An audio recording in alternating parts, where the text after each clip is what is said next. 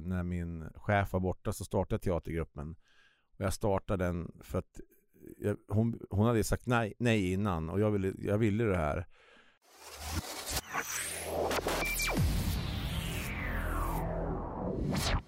Kära gäster, varmt välkomna till Life at Sign. Podden som tar dig bakom kulisserna på Sveriges största designhotell. Där vi träffar intressanta och inspirerande människor som berättar om sin relation till att bo på hotell och att resa, delar sina hotellhack, men också spännande möten i långa korridorer och mellan kokande grytor. Jag heter Henrik Berghult och arbetar som hotelldirektör här på hotellet. Och idag ska vi träffa en av Sveriges främsta teaterproducenter, regissörer och manusförfattare. Han är född i Sundsvall, uppvuxen i Delsbo och verksam i Hudiksvall. Han grundade redan 1996 Glada Hudik-teatern då han arbetade på ett dagcenter i Hudiksvall. Gruppen som numera är etablerad spelar föreställningar runt om i Sverige och har turnerat allt från New York till Stockholm och är just nu högaktuella med filmen Catwalk. Dagens gäst verkar även som föreläsare, där han ofta utgår från det framgångsrika teaterprojektet och visar hur människor kan utvecklas trots till synes vaga förutsättningar. Han var sommarpratare i Sveriges Radio 2010, fick 2011 Hans Majestät Konungens medalj för betydelsefulla insats på ledarskapsområdet och 2016 blev han utsedd till Årets eldsjäl på Svenska hjältegalan. Varmt välkommen Per Johansson! Tusen tack, vilken research! Det var fantastiskt vad du har läst på här. Ja, och det här är bara ett axplock av allt det du har gjort och åstadkommit. Ja, jo, och det, ibland så då, då funderar man ju på länge hur man håller på. Kanske, det kanske är dags att lä lägga av snart. du kom ju till oss design redan för drygt två veckor sedan i samband med premiären av Catwalk. Ja. Eh, vad handlar filmen Catwalk om? Det handlar om en tjejs dröm att eh, få göra revansch på alla mobbare och, genom att bli fotomodell. Eh, hon heter Emma Örtlund och har skrivit brev till mig och eh, filmen slutar med att Emma får göra en catwalk på Fashion Week i New York. Och det är inte ett slag mot eh, modevärlden, det är ett slag för att det finns andra alternativ, att alla människor får chansen att skina. Men var Emma en del av Glada Hudik från början? Eller Nej. det kom som ett eh, brev? Brev på posten. Ja, Ja. det kom på brev på posten kan man verkligen säga. Och jag träffade Emma första gången 2015 när jag var i Gislaved hade föreläsning. Ja. och gick in på hennes butik Skaparglädje där hon jobbar och jag kan säga det är få människor jag har mött som jag fått sån otrolig helgonkänsla för. Jag vet inte om, jag har aldrig mött ett helgon innan men hon lyste upp hela rummet och när man möter Emma så blir man lätt tagen och fast av henne och det blev jag. Och efter Emmas brev så bestämde du dig för att skriva ett manus till den här filmen. Ja, jag, nej, jag bestämde mig så här. Jag bestämde mig för att jag skulle göra, förverkliga hennes dröm. Okej. Och då tänkte jag liksom, manuset blev ju den verkliga resan. Så att det, det här är ju en dokumentärlång film. Så att allt händer ju på riktigt. Så att jag bestämde mig för att jag skulle kalla ihop människor som jag trodde på skulle kunna hjälpa till att förverkliga det här och så gjorde vi det.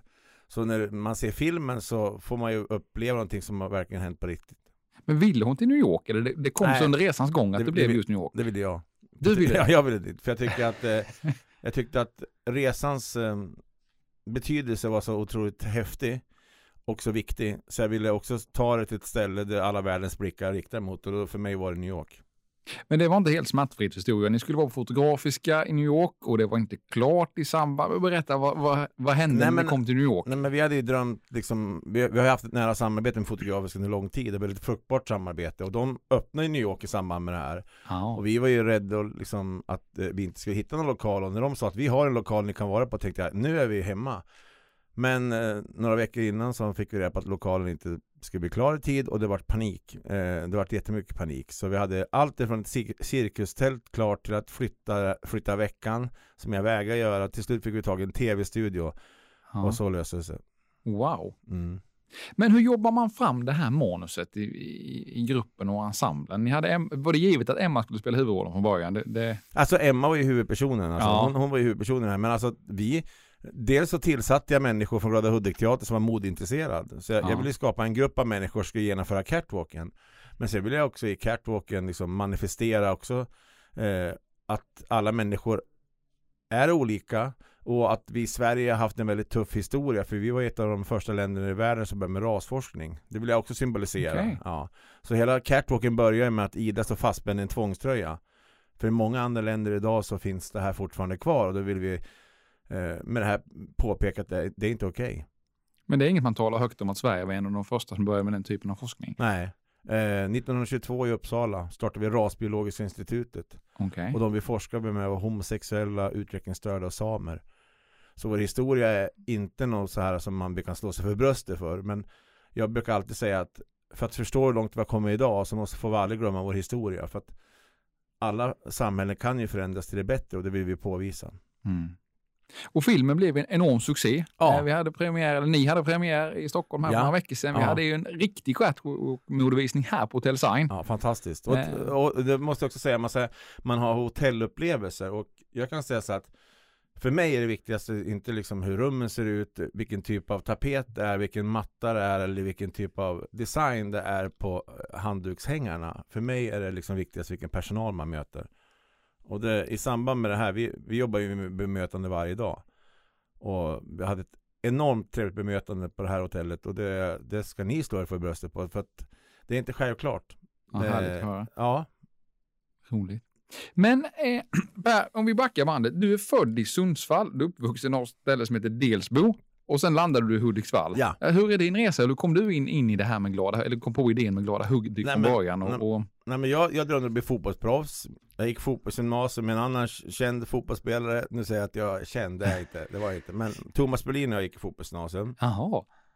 Och han, du vet att han gick väldigt bra för han Han hamnade i Parma, hamnade i världslaget och så här Det gjorde inte jag, jag vart ju arbetslös och var tillbaka i Hudiksvall och då fick jag en Tjänst En ALU-tjänst heter det då på en daglig verksamhet för utvecklingsstörda man klyvde ved Okej. Och där såg jag att man tränade om på allt de inte kunde.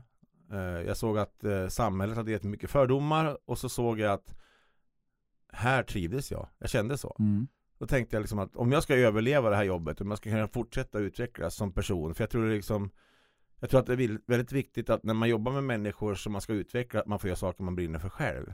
Så tänkte jag bara, här kan vi spela teater, det var min stora dröm. Så då startade jag det. Men varför just teater? Därför att jag hade drömt om det.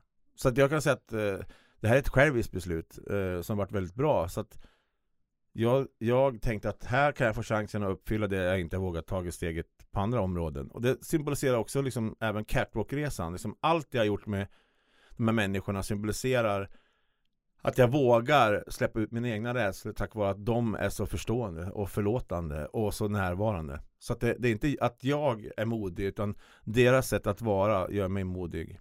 Men hur fick du eh, skådespelarna, eller de var inte skådespelare då, men, men de som gick på det här dagcentret att vara med på den här idén, ställa sig på en scen och jag tänker på deras föräldrar och det är klart, det är ett stort steg från att stå och kliva vet och ställa sig på en scen och Ja. uppträda. Och det här var ju inte alldeles lätt. Det lättaste som jag också hävdar jämt i mitt jobb, det är med de utvecklingsstörda. Att de är ju oftast de som eh, är modigast. Ja. Så att jag, jag plockar ju ut personer som jag trodde hade egenskaper för att spela teater. Och det är en av mina väldigt bra egenskaper som ledare, att jag, är väldigt, jag ser vad folk kan utvecklas av. Ja.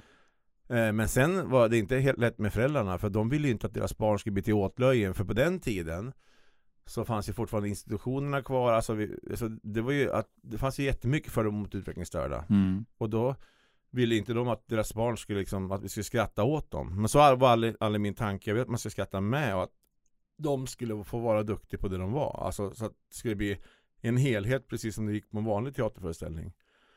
Eh, så det var ett krismöte i den första, första föreställningen. Och jag kommer aldrig glömma när vi hade gjort vår första föreställning Tomta på rymmen där nu eh, när, när föräldrarna kom och tårarna rann och sa att det här är min Hur kom son. du till tom, kom du på tomta på rymmen? vid ett personalmöte eh, när min chef var borta så startade jag teatergruppen.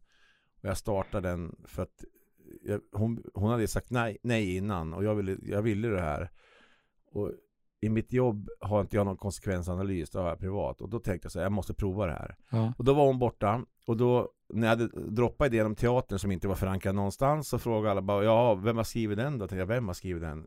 Det är jag, och vad, vad heter den? Och då kommer jag aldrig glömma för då skulle vi beställa julkort till det här dagcentret och då hade vi broschyrer över julkort och framför mig låg det en broschyr med tomtar och slädar. Och då sa jag, tittade jag på den här, jag måste ju säga någonting. Så jag säger bara Ja den heter Tomtar på rymmen. Men det fanns ingen pjäs? Nej, nej. och, och, och så, så jag kan säga så är jag också fortfarande. Ibland så kan jag göra affischen först och vi har inget underlag. Men Det får mig att drivas av liksom att jag sätter upp liksom någonstans som jag ska åka mot. Och då Då kan den här resan ta många olika uttryck men så funkar jag Men jag läste någonstans att du fick inte med dig kommunen heller från början. Du Nej. finansierade Tomta på rymmen själv Ja, ja, till viss del. Ja, ja, alltså, ja, jag, fick ju ingen lön av kommunen för att det här var inte legitimt. Så att jag ordnade så här, lokala näringsliv som drog in till min lön. Och så fick vi åka runt och jaga folk som skulle komma dit. ja. Och så var det under väldigt många år. Alltså så att vi, så att vi, det här var liksom någonting som vi ordnade själv bara för att jag vill, tyckte att det var så otroligt viktigt. Men när kom brytpunkten att kommunen insåg att alltså, det här är nog någonting vi ska satsa på? Det här funkar Alltså, ju Pers idé. Den stora brytpunkten är 2007 när vi tar steget från Hudiksvall till Stockholm med en föreställning som heter Elvis. Eh, då kommer vi på Cirkus. Ja. Och vi ska göra tre föreställningar på Cirkus i Stockholm där vi är 52 utsålda hus och vi, då blir vi rockstjärnor över natt. Och då får vi också med oss liksom, nationella sponsorer så att vi får med oss ICA och då, i samband med att ICA hoppar med så ska, skapar vi ett projekt med dem som heter Vi kan mer där ICA ska börja anställa utvecklingsstörda och då skapas också ICA Jerry och det är där det skjuter fart. Men äh, du hade ju det här gänget nu, ensemblen, igång i Hudik och ni har Ja. kört några, några shower där. Och sen, äh, hur, hur tar du detta från Hudik till Cirkus i Stockholm? Därför att jag anställer människor i mitt projekt som är mycket bättre än mig själv. Som kan utveckla saker som jag har idéer på som som till exempel att, att, att vi i vårt husband så har vi åtta av Sveriges bästa musiker. Så att, Ja. så att jag försöker hela tiden utveckla saker och försöker förädla saker. Alltså jag är väldigt få, bra på att få folk att gå åt samma håll. Eh, och sen eh, ser vi vad som händer. Ja, för det är en enorm bedrift. Jag menar, det finns ju teatersällskap över hela landet. Mm. Eh, Både yngre och äldre utvecklingsstörda och, och Ja. eh, amatörer och eh, allt Peter Flack och allt. Ja, ja, ja. Men väldigt få av dem drar ju sina shower hela vägen. Jag vet. Från, från landsbygd till Cirkus i Ja, Stockholm. ja men så jag, jag är en entreprenör i botten så jag, vill, jag älskar också att sälja saker så när vi säljer biljetter jag är jätteglad Jag älskar Mm. att se Excel-ark och se liksom hur försäljningsflöden går till och sånt jag var sedan jag var jätteliten och det, då säger alla men, men kultur, då ska man inte hålla på med försäljning Jag tycker så här vad jag tycker är viktigt för, och det vill jag säga till alla som jobbar med kultur, att vi måste liksom gå över gränser för att liksom för, få folk att förstå. För att jag vill ju, jag driver den här teatern av två anledningar. Att våra skådespelare älskar det och vill utvecklas. Men också att samhället ska bekämpa sina egna fördomar och möta de här människorna. Och då, alltså på, då tänker jag så här, vart jobbade människor? Jo, på företag. Och det är de jag vill komma åt. Och när, vi, Mm. gör- när vi jobbar mot sponsorer till det här och företagen kommer dit med sina människor så, så så övergår ju alla rädslor och fördomar till förståelse och kunskap när man får saker gemensamt. Och det är det som är kittet i allt det här. Så att vi hade aldrig skapat ICA-projektet om inte vi hade fått in ICA på tåget. Liksom. Så, så att jag säger så här att har man, jobbar man med kultur så tycker jag man ska liksom vända sig till, nä, till näringslivet för att vi vill inte komma åt de redan frälsta människorna, vi vill komma åt bredden. Så det är då det sker en samhällsförändring. Men det här verkar ju, du, du gör affischen först och du kommer på eh, Tomta på rymmen på ett Mm. vykort. Mycket är ju knus och du vill till New York och du vill Ja. vara på teater. Mm. Det här är något fantastiskt du har skapat som Ja. verkligen gör skillnad och sätter frågor i ett helt nytt lyse. Hur ska det här leva vidare den dagen du bestämmer dig för att lägga av? Jag vet inte. Det är det som är den stora frågan. För att det här är mitt livsverk så att säga. Så att, Ja. Och jag har ju kontrollbehov. Det, är- det är både bra och dåligt. Så jag är svårt att släppa från mig allt också. Och jag vet inte hur jag ska leva vidare. Så många säger så här, Per du måste skaffa oss, idag är det att vi ska skaffa sådana här långsiktiga strategier. Det är 3, 5, och 7 och 9 tusen års mål. Och så ska vi göra så här riskanalyser liksom på vad det här. Tänk, tänk om jag gjort en riskanalys på Glada Hudik-teatern. Det har inte startat än, förstår du? Nej, men alltså, och, och jag tror inte att man ska sätta upp sådana här långsiktiga mål för att det tror jag förhindrar ens utveckling för att vad jag har varit med om, att det blåst förbi saker så hade inte jag fått det här brevet av Emma Mm. då hade inte Catwalk blivit av. Nej. Hade inte jag eh, stött på en kille som heter Per Broman då hade inte vi gjort en utställning som heter Ikonen med Fotografiska museet så att saker, jag tror så här jag tror att saker faktiskt också händer liksom under resan att man Folk som säger så här att jag fick aldrig chansen Det tror inte jag på. Jag tror att man måste ta chansen och jag tror man inte får vänta på att det ska bli rätt tid för saker. Jag tror att man måste göra saker nu. Jag, Ja. så, för ofta har jag fått hört bara Per, du måste vänta på rätt tillfälle i mars. Då ska vi marknadsföra. Så bara, varför just i mars? Mm. Det är rätt tid då. Hur vet vi det? Mm. Hur vet vi saker före? Jag har ingen aning. Jag lärde mig, jag lärde mig, jag hörde talas om ett begrepp som eh, serendipity. Som står för att det handlar liksom om att ibland ska man uppfinna saker och det var inte det man hade tänkt sig men det kom någonting annat fantastiskt ur det. Eh, Dynamiten kom ju fram, så Ja. röntgen kom ju fram Ja. och så höll på med någonting annat. Sen helt plötsligt kom man på en röntgenstrålar. Det, det var ju en bra grej. Ja, jag vet. Och det är lite grann det du pratar om, att liksom här kommer en möjlighet, nu tar vi den och gör någonting bra av den. Ja, och, och vad så, så också så här bara, har ju som, man har ju liksom några, man har ju val också liksom. Vill Ja. man inte göra det så skit i det då. Ja. Har det aldrig varit en diskussionsfråga att man skulle skala det här? Att ska vi göra Glada Hudik i, i Glada Sundsvall och Glada Malmö och Glada Göteborg? För det är klart, det ni gör är ju fantastiskt, men det är klart det blir ju ganska få människor som har möjlighet att Absolut. vara en del av, av Absolut, det här. absolut. Och, och vi, vi, gör ju, vi gör ju flera saker. Dels så har vi väldigt mycket studiebesök. Dels utbildar vi personal som vill starta liknande verksamheter. Sen så har vi också sån här, varje år sån här training camp i Portugal. Vi åker 220 pers, vi jobbar Ja. med teater, musik och dans. Och så jobbar vi också med träning. Så att vi vill ju smitta av oss och vårt mål, det här är sånt här gammalt klassiskt uttalande, att vårt mål är inte att fylla bägaren utan att tända elden. Ja. Så vad vi vill liksom vill, och man, vad, jag är, så här, om man ska liksom applicera det här och göra flera olika så här, verksamheter, så jag är ju väldigt noga med utfallet så att det, Mm. det får den känslan som vi vill ha. Mm. Så att jag kan säga, jag, jag är både rädd för att göra det, men det är också kanske ett steg i rätt riktning.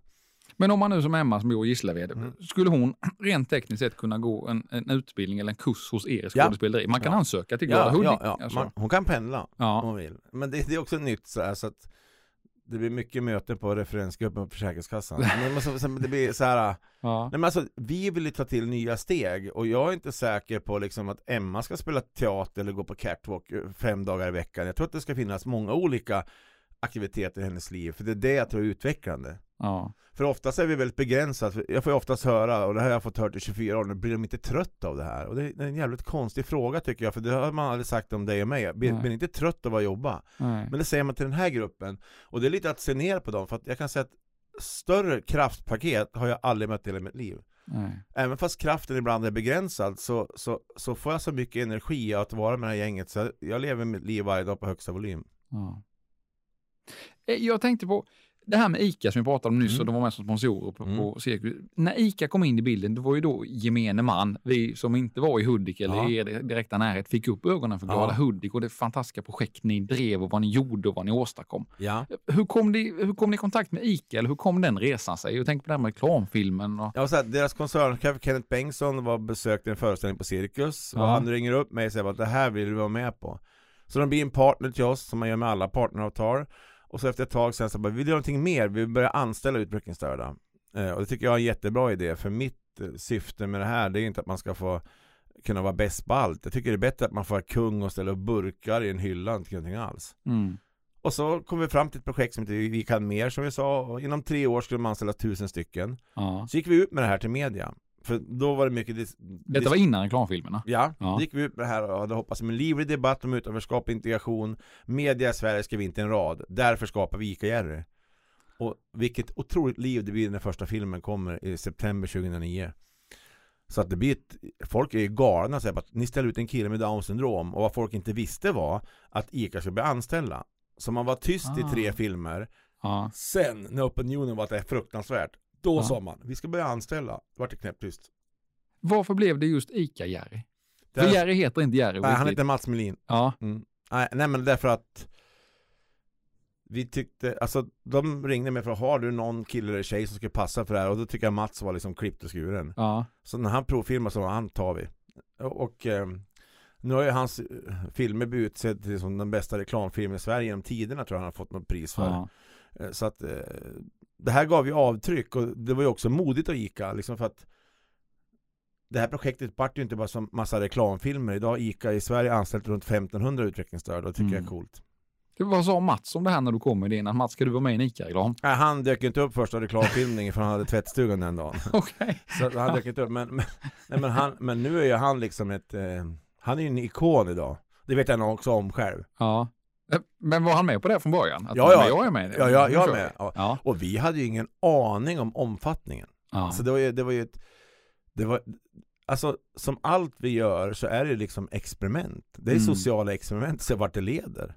Ja. Det var lika det här med den nya filmen Catwalk är också ett socialt experiment. Liksom vart ska det här leda och vad, vad, vad, hur uppfattas det här? Mm. Och det, men det är just det som är också i livet. För att hade vi väntat på en riskanalys liksom på att vi skulle liksom göra allting rätt, då tror inte jag det hade blivit så bra som det hade blivit. Nej. Så jag tror ibland man må, måste våga släppa fotfästet och det, det, det är lättare sagt än gjort men eh, det är jag bra på. I mitt jobb, privat är jag jättedålig på det. Är det något tillfälle med Glada Hudik du- ni har gjort någonting som du har tänkt så här, det där var inte lyckat, det där gör vi inte en gång till? Någonting som har tänkt varit en god tanke men gick snett? Nej. Ingenting? Nej. För många säger så här, vad skulle du ha gjort det här med facit i hand? Får jag frågan. Ja. Det är en jävla idiotisk fråga. Men det är inte att du ställer jag säger-. Nej men så bara, med facit i hand skulle man väl aldrig gjort något fel? Nej. Nej men jag känner inte det. Alltså, jag känner så här, allt det vi har gjort, allt kanske inte har varit på samma nivå som att vi känner att vi har sprungit liksom och vunnit OS-guld, men Mm. allt vi har gjort liksom, har det funnits en mening med och en tanke bakom och eh, Nej, jag ångrar ingenting. Har alla varit med i den här resan som har varit med? Alltså jag tänker på skådespelarna. Eller någon som har hoppat av Ja, resans gång? ja, ja, det här ja. vill inte jag vara med. Ja, ja, det här och- tycker inte jag är kul. Och vet du, det, det, vi har ju, alltså från originalgruppen för 24 år sedan, Ja. finns det ingen kvar idag. Ingen kvar. Nej. Alltså de har ju, alltså många var väldigt gamla när vi började där också. Ja. Men ingen finns kvar. Men jag- känner en otrolig tillfredsställelse för idag kommer ju liksom för två år sedan slutade en tjej ehm, och då sa hon så här, bara, Per nu vill inte jag spela teater mer. Då har hon varit med i 16 år. Ja. För jag orkar inte. Så bara, gud vad modigt. För att förr tillbaks, då skulle alla utvecklingsstörda göra allt eh, lika för att det ska bli rättvist. Och det tror inte jag på. Nej. Jag tror att man ska att man kan själv säga att jag vill inte vara med längre. Så liksom, det är väl jättebefriande. Mm. Och vi, vi säger, jag har också sådana här exempel, vi, vi säger utvecklingsstörda och normalstörda. Eh, och då, det är en del av problemet att man säger utvecklingsstörd, det har inte vi.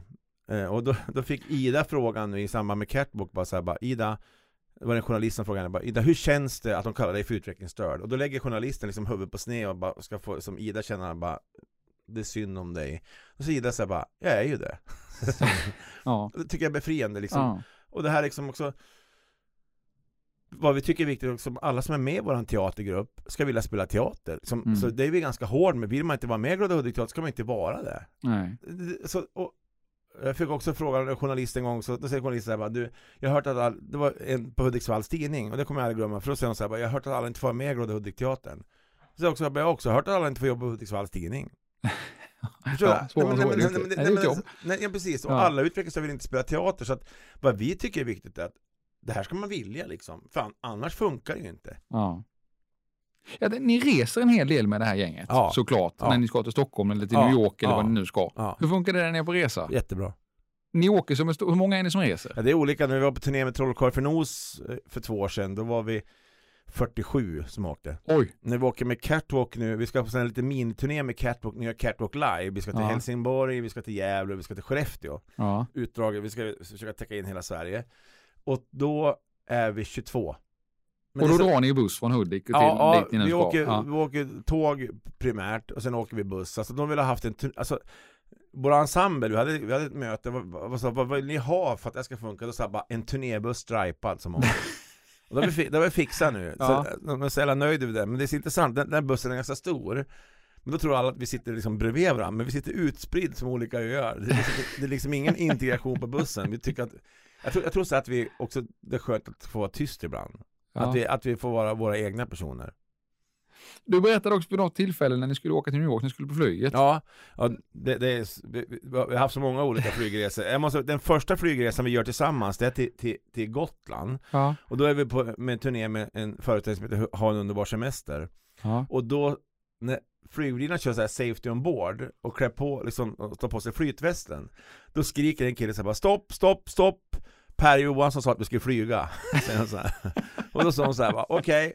Jag har aldrig avbrutit en säkerhetsgenomgång men nu gör jag det. Så satt hon sig ner, hon höll ju på att dö. Och sen var det också när vi flög till New York så, så, så var jag livrädd, det var 2010 första gången vi var där. Då var jag livrädd att vi Mhm. inte skulle komma in i landet för att jag visste liksom att få någon nej i tullen, jag hade ingen plan B. Ja. Nej. Så jag sprang runt och alla sa, när ni kommer till tullen, alla frågar vad är tull? Skit i det sen. De, kom, de kommer fråga er där borta, i den där kuren nu, vad ni gör här. Och då måste ni svara att ni är turister. Alla frågar, varför då? Jo, gör bara det nu. Vi kommer till tullen, och då skriker den första killen över flygplatsen så här. Per Johansson, ska jag säga att jag var terrorist eller tourist? och det, alltså, de sekunderna innan liksom han var igenom, det är bland de längsta sekunderna i mitt liv. Men alla kom igenom? Ja. Varför säger de Per Johansson dig? Jag vet inte. Det, Säger alla det? Ja. Alltså i, i vår ensemble, Ja. Per Jo, alltså så, det, det är också, jag ser den här Catwalk-filmen, då säger också Emma det, Per Johansson, jag vet inte, det kanske blir så här symboluttryck. Så jag får hela mitt namn varje dag, det tycker jag. Ja, Det är fantastiskt roligt. mm. ja det är det. Men också, du tog ju med den här ensemblen till Stockholm första gången. Ja. Och jag vet, du ställde också frågan, vad vill ni göra när vi kommer till Stockholm? Ja, och det är också, det, det var 98 vi var vår första resa utanför Hudiksvall Ja. Och då, då hade jag gjort en sån här pretentiös resa, vi skulle på så här mycket teater och så här museum för att vi skulle, vi skulle insupa mycket kultur Men då fick jag en kontraorder för att då hade gänget haft ett krismöte som man sa och de ville inte göra det Per Johansson ville. Och då kom en tjej som hette Maja fram med en lapp och sa bara vi vill göra det här. Och då stod det tre saker på den här lappen. Det var att de ville åka på en studiebesök på en videobutik. De ville träffa kungen och de ville åka rulltrappa. Okej. Och det här är inte det vanligaste man tänker på men det ville de så vi uppfyllde det. Alla tre. Ja Ni träffade kungen? Nej, vi gick på ett studiebesök på slottet, alla var jättenöjda och videobutiken. Ja, ja det gjorde vi också, och då kom vi in i videobutiken, jag kom, vi, kom, vi var där klockan 10 och när vi kom in frågade ägaren bara 'Vill du ha hjälp?' Nej, vi tittar bara. Och så när vi kommer ut och säger alla bara 'Det var som i Hudik' Ja, säger alla, och så går vi vidare. Och rulltrappan. Och den, ja, när vi kom till den, då ville ingen åka för alla sa att, hävdade att det var farligt. Och här kommer en av mina käpphästar in. Jag, vill, jag jobbar inte med de här människorna för jag tycker synd om dem, det är för att jag tror på dem. Och jag tänker bara att vi ska ner för nu, bara så ni vet. Så att, och, och mitt mål är, vi, vi måste ställa krav, vi, vi måste Mm. liksom våga flytta, för vi säger att vi måste vå- våga flytta våra gränser, då sa jag att vi ska neråt. Så jag kommer aldrig glömma när jag lyfte på Maja på den här rulltrappan, för att får jag med mig henne får gick jag också med mig resten. Mm. och när det går ner för hon skriker hjälp allt hon kan. Och när jag fått bara 35 lät som att andra världskriget åkte ner för Och när vi möter en familj där Och jag ser mamman tänker bara vad fan är det här som kommer åkandes? Och jag ser att hon håller för ögonen på sina barn Och då skriker man åt den här mamman så här bara Per Johansson, vår personal, tänker mörda oss Och det, det, det är symboliskt för det här Och när vi kommer ner då rasar alla ihop finger vet man ska kliva av och så Säger Maja bara, vi klarat, ja, alla var nöjd Ja. så alltså, det vi har upplevt tillsammans, det är så mycket galna, eh, konstiga och helt fantastiska historier. Så att jag skulle kunna sitta här i tio år och berätta liksom allt som vi har upplevt Mm. som är så mycket tokigheter. Men också liksom det som symboliserar livet. Du pratar också det här med nerför rulltrappan, ställa Mm. krav. Mm. Alltså nu handlar det om, det handlar om ledarskap. Mm. Och du föreläser mycket om ledarskap. Ja, Bland annat har du föreläst på vår Nordic Choice-konferens Ja. i Globen. Ja. Eh, fantastisk eh, föreläsning. Men, men vad är det du tar med dig och försöker eh, förmedla i ditt budskap till andra företag från hur ni driver er verksamhet och ledarskapet i Glada Hudik? Nej men jag, jag ehm, Nej men dels att man måste ha en, en, en passion för det man håller på med och, och så måste man göra det man är bra på. Men framförallt, all, framförallt också att man vågar vara emotionell, att man liksom vågar prata liksom, idag säger man att allting ska vara så positivt, vi måste bara visa våra goda sidor. Jag tror tvärtom, jag tror att ju mer du vågar blotta med dåliga sidor, ju helare blir man som människa. Mm.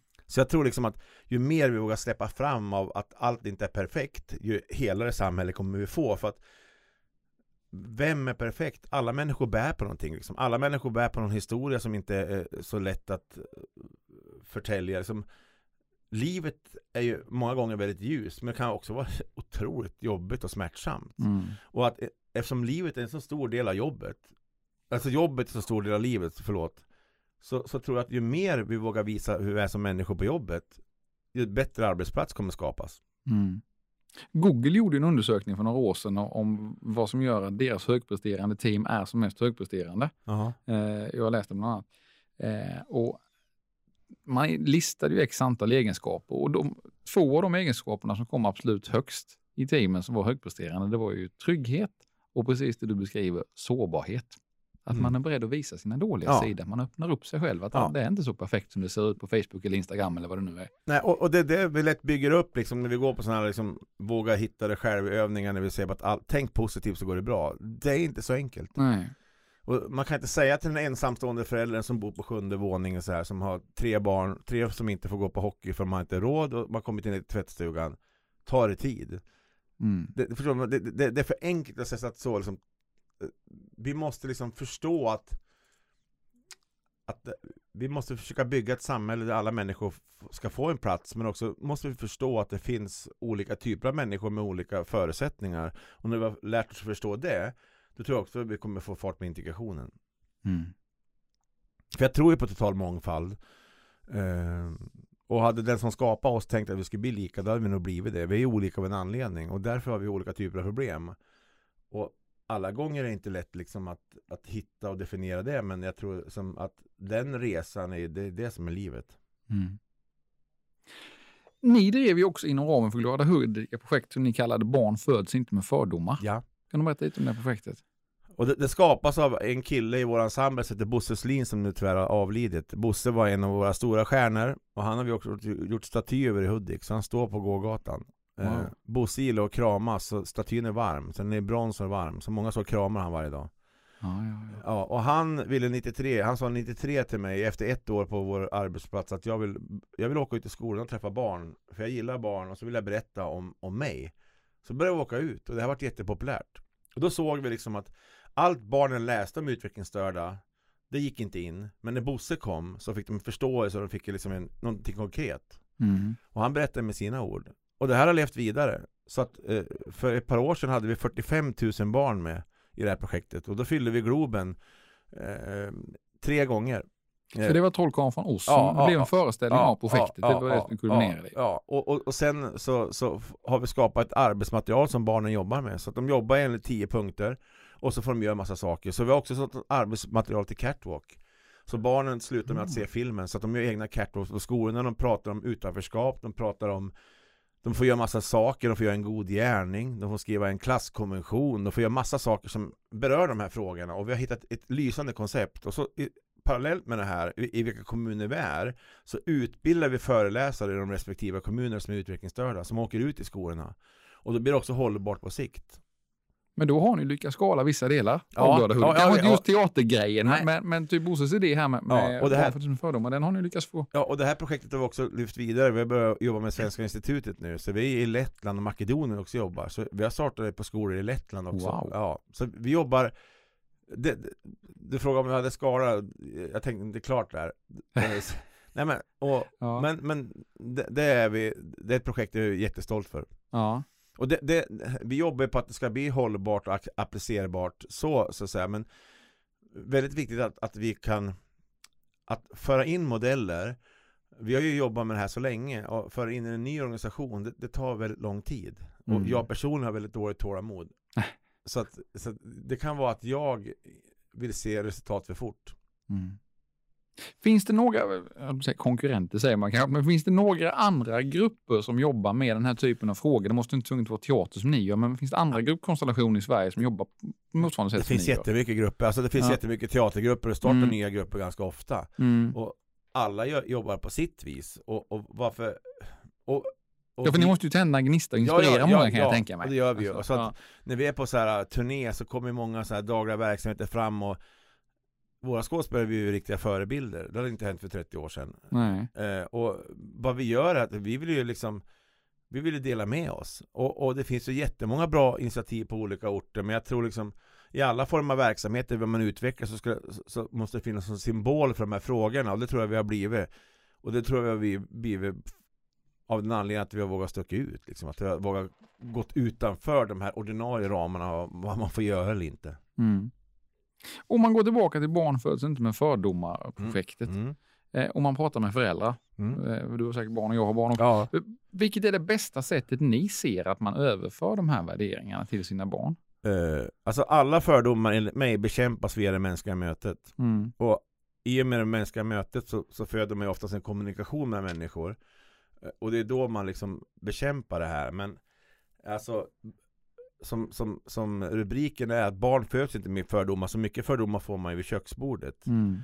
Och därför så tror jag liksom att ha föräldrar fördomar så, så manar jag barnen att hjälpa dem att bekämpa dem. Mm. För att vi möter ju väldigt mycket fördomar mot de här människorna fortfarande som jag jobbar med. Och det hade jag också när jag började jobba själv. Så att jag har också jättemycket fördomar. Jag får nya hela tiden. Och mina barn säger bara pappa hur kan du jobba med fördomar du som har mest själv? så, så att jag är inte fördomsfri. Men jag tror liksom det enda sättet att våga bemöta det, det är det mänskliga mötet. Och också att få kunskap. Alltså att, så att man vågar liksom konfrontera sig. Mm. Du Per, nu sitter vi ju här på ett av Sveriges största hotell. Mm. Eh, och ni bor såklart mycket på hotell. Ja. Det måste ni göra Ja. när ni är ute och åker. Vad är de viktigaste sakerna när ni bor på hotell? Vad är det ni tittar på? Vad är det skådespelarna absolut vill ha eller inte vill ha? Vad, vad händer när ni checkar in på ett hotell? Ett trevligt bemötande. Ja.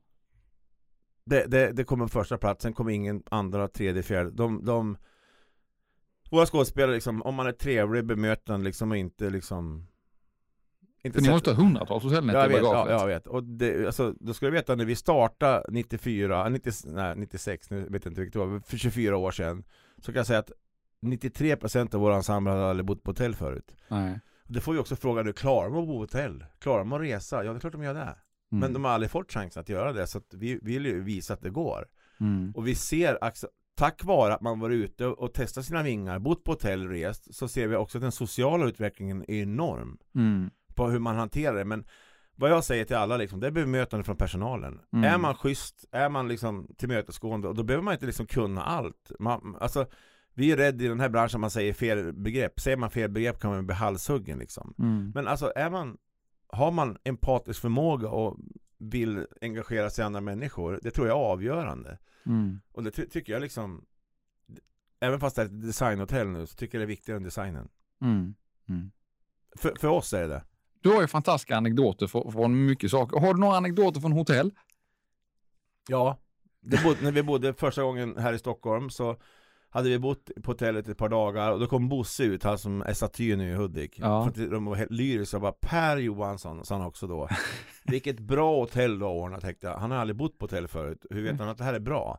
Då sa han bara, vet du, öppnar man ett skåp i mitt rum, ett brunt skåp, så hittar man öl och vin och chips och godis. och sen så här, och de fyller på varje dag. sen så här. Och kan tänka mig när han öppnar minibaren, det var fullt idag, nu kör vi. Så att det, Ja. alltså det, det, det finns otroligt mycket. Och sen har vi en kille i vår ensemble som heter Niklas, han liksom Ena gången vi bor till, då är han vegetarian, så kan han vara vegan och han driver personal till vansinne, för han, hittar, han hittar ju på.